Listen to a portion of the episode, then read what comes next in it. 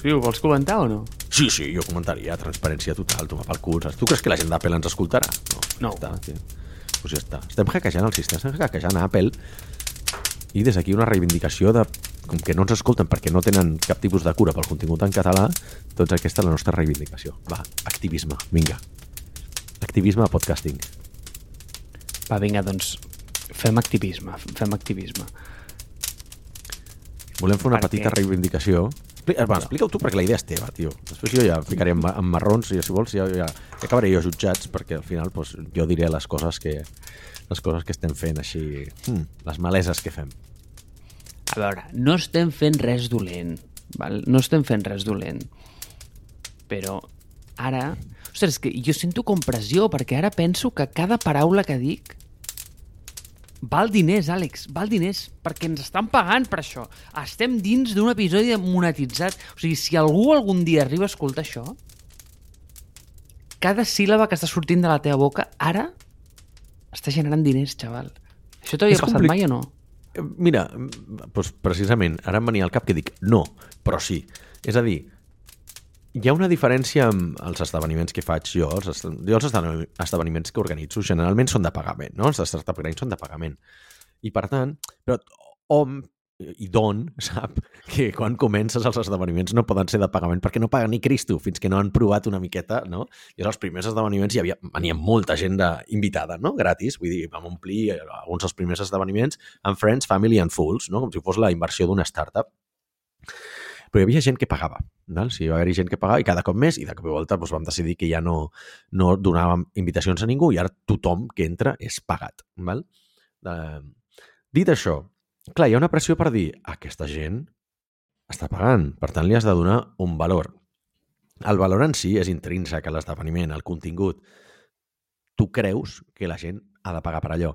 Però el subconscient és molt cabró i et diu no, però ja que han pagat, dona'ls unes cerveses, dona'ls uns, uns sangus, no com diria el Núñez, no? dona'ls alguna cosa de menjar, perquè ja que han pagat 5 euros per entrar, dona'ls això. I acabes donant més valor del que t'estan pagant, no? És a dir, jo sempre faig la broma que els meus esdeveniments de Startup Grind són el bar més barat del món, perquè tu pagues 5 euros, o 3 si l'has comprat amb molta ante- antelació, i tens un contingut de puta mare, networking, una experiència molt bona i birres il·limitades i menjar. O sigui, no trobaràs a cap altre bar, això. O sigui, per tant, aquí hi ha un, un fracàs a l'hora de planificació i de la... Eh, de, de l'entesa del valor que estem donant. No? Hi ha una simetria bestial que l'hauríem de corregir i no sé com, perquè porto 10 anys i no em sento amb, amb, amb les ganes de que la gent pagui més. Val?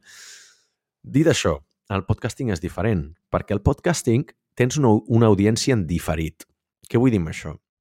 Nosaltres a publicar... Enregistrem aquest episodi abans de publicar-lo, perquè enregistrar-lo després de publicar-lo seria molt estrany, Marc. En algun moment segurament es podrà fer, però de moment no es pot fer. Aleshores, ara estem enregistrant i sabem que no ens escoltarà ningú. Segurament durant moltes setmanes no ens escoltarà ningú. Val? Per què? Perquè a diferència dels episodis que ja han publicat, aquests són els que s'han de, són, són els que s'han de pagar, no? Llavors, la primera subscripció no arribarà immediatament. Tant de bo, eh? Jo confio en la nostra audiència, crec que sí. Però vol dir que estem enregistrant una cosa que potencialment no escoltarà ningú. Però de cop i volta l'escoltarà una persona. I d'aquí molt temps, si Déu vol, no gaire, arribarà molta gent a aquest primer episodi. Per tant, l'has de gravar pensant en que algun dia l'escoltarà molta gent, però saps que no l'escolta ningú durant molt de temps. És molt estrany el tema de l'audiència diferida, saps? Vull dir, és, és com quan comences una pàgina web amb el SEO. El SEO, ningú veu la teva pàgina web, ningú veu el teu blog, però eventualment arribarà un dia en què tindràs molta audiència i dius, hòstia, ara això ho veu molta gent, no? I ho hauria dit diferent, hauria posat hauria anat més en compte amb això, amb això altre. És, és molt complicat, eh? Doncs en aquest episodi, que és el tercer de podcasting, una introducció a Apple Podcast, és bàsicament on expliquem per què estem a Apple Podcast com a subscripció. I això és una cosa que li agrada molt a l'Àlex, perquè recentment va comentar Ah, que... val.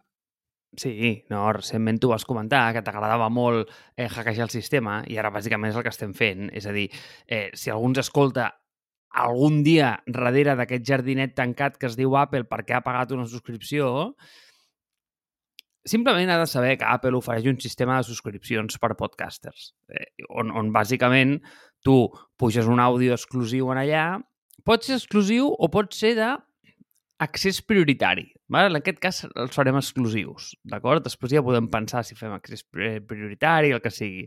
Accés prioritari simplement el que vol dir és que està disponible abans per a altres persones, però després el contingut és obert. Val? És a dir, tu pots mm-hmm. oferir moltes coses en aquesta subscripció. Llavors, ens hem donat compte d'una cosa, i és que de la mateixa manera que, no sé si t'has fixat tu, quan, quan Apple eh, promociona un nou sistema operatiu i, i posa noves funcionalitats per a les aplicacions, aquelles aplicacions que les implementen, aquestes noves funcionalitats, surten sempre molt ben posicionades a l'App Store i els hi fan com una historieta i els hi diuen, ostres, mira les últimes aplicacions que han posat, mm, m'ho invento, eh? Les notificacions dinàmiques de no sé quantos. Eh, doncs amb el tema del podcasting ens hem donat compte que passa una cosa molt semblant i aquí és on l'Àlex li agrada hackejar el sistema. Què passa? Que tu, si poses un pod com que això de les subscripcions d'Apple no ho està fent ni el Tato, perquè no ho està fent ni el Tato, els pocs que ho fan, Apple diu, hosti, mira, aquests els promocionarem, perquè què passa? Que d'un podcast normal no en treuen un duro, però d'aquí en treuen uns calarons. Llavors diuen, bueno, d'aquests que ens estan ajudant a fer uns calarons, els ajudarem a que els hi vagi encara millor. Llavors farem que els descobreixi més gent. Per tant, els pujarem al directori. Per tant, tindran més audiència. Llavors, si ningú escolta aquest episodi, ens és absolutament igual, val? perquè l'únic que vol fer aquest episodi en realitat, bueno, està bé que ens escoltin, no? també, i que, eh, i que contribueixin a la causa de foc a terra, però l'únic que vol fer és explicar-li a Apple, ei, Apple, esperem que això mai ningú escolti un revisor d'aquests d'Apple dels, dels reviews, perquè, bueno, és que de fet no, no deuen ni parlar català, però en fi, no, no parlen català. Llavors, el que volem és que vegin, hosti, aquest podcast ofereix subscripcions. Cony, promocionem-lo a les llistes.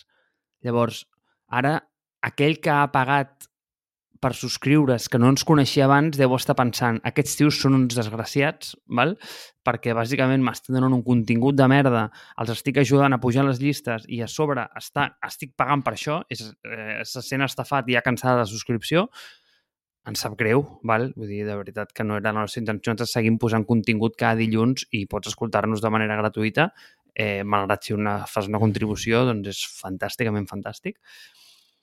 Però aquesta és la nostra història, jo crec, Àlex, per Apple Podcast. I, a veure, què podem fer aquí? A veure, aquí podem fer diverses coses. Jo crec que és interessant el rotllet, perquè al final posar com episodis de 10 minuts exclusius i de, jo què sé, per exemple, eh, podem fer com preguntes i respostes. Per exemple, quan algú ens fa preguntes, podem contestar-les i només exclusives per la subscripció, perquè què és el que passa? Que jo crec que és molt d'hora, com tu has dit, no? per, per monetitzar. Eh, no tenim aquesta, eh, aquesta inèrcia encara, ni molt menys, estem allà. I, i qui pot estar disposat a pagar? Pues els sonats que ens estimen molt, no? I els sonats que ens estimen molt, moltes vegades, són els sonats que ens pregunten coses, ens demanen preguntes més, més, més personals, que responguem a coses més concretes, i aquests jo penso sí que tenen potencial d'estar tancats a darrere d'un jardinet, però d'una altra manera em sembla molt complicat, sincerament. Mira, m'agrada molt que hagis fet servir la paraula inèrcia perquè eh, m'he adonat que la paraula que normalment està capitalitzant el concepte d'inèrcia en el món de la tecnologia és el momentum, no? que és una manera, bueno, és la paraula llatina, la paraula tècnica, que ha permeat en l'anglès, en anglès es fa servir molt, però malauradament ha arribat a Espanya i la gent fa servir momentum com per dir un moment molt especial. No té res a veure, amics i amigues, o sigui, deixeu de fer servir la paraula momentum per dir moment, no? perquè en realitat estem parlant de... O sigui, com, moment com a instant de temps, val? sinó que és iner... la traducció seria inèrcia. Dit aquesta petita reivindicació, dos o tres coses que vull apuntar. Una és, valor intrínsec d'aquest episodi és explicar com funciona Apple Podcast per, per dins. Jo crec que només per això jo ja hauria pagat per un contingut així. Si algú m'explica, si tu m'haguessis dit, mira, hi ha un episodi de podcast que val 5 euros i t'explica com fer que el teu podcast de els altres podcasts que tinc jo eh, es puguin promocionar pel podcast, jo l'hauria comprat. No és et dic això. Després potser m'hauria cansat la, la subscripció. Segurament. Però ja només per això jo consideraria que ja m'ha donat el valor que necessitava. I tercer, crec que s'ha... Malauradament, jo que porto en el, en el món dels esdeveniments i, i del contingut durant molt de temps, més de 10 anys ja, s'ha perdut la idea original del patrocini. És a dir, el, el, el, el patró, no? el, el, el Patreon, en anglès, la persona que sponsoritzava, o sigui, patrocinava a un creador, un artista, originalment era una persona que ho feia simplement perquè creien el talent, que en la figura, sense esperar un retorn, no? Ho feien com a una manera de retornar a la societat i com que en el futur, no? dir eventualment, però hem de deixar de fer servir aquesta paraula, eh, és perquè aquelles obres probablement es podrien, podrien ser exposades a la casa del, del patró, no? però no amb un retorn immediat. Està clar que durant el Renaixement segurament no existia Google Analytics, segurament, no ho sé, jo no hi era, no tinc aquest coneixement de causa, però vull dir, eh, era molt difícil explicar el retorn d'un patrocini. I avui en dia jo crec que també ho és. Crec que els marketers s'han carregat al món de, del, del patrocini i ja només es pensa en aportacions curtplacistes perquè pensen, ah, jo és que si tu et, et poso 500 euros aquí de patrocini, jo vull que a final de mes ja m'hagin tornat X, no? Si per cada euro que t'he posat vull que me'n torni X més 1, per dir alguna cosa. Què passa? Que això fa que no es pugui patrocinar coses a llarg plaç, coses que tenen un retorn al cap de 3 o 5 anys o més. Vale? Aleshores, en temes de comunitat, les comunitats triguen molt, els podcasts triguen 3 o 5 anys en, en explotar, com deia abans. Per tant, a mi mmm, em sap greu que no hi hagi més creure en el futur, creure en una idea, no creure en una visió. Jo crec que aquestes petites aportacions, tot això, tot aquest pròleg, per acabar arribant a aquesta qualsevol uh, aportació a aquest podcast ara és perquè creuen la idea de que s'ha de fer més contingut en català. Val?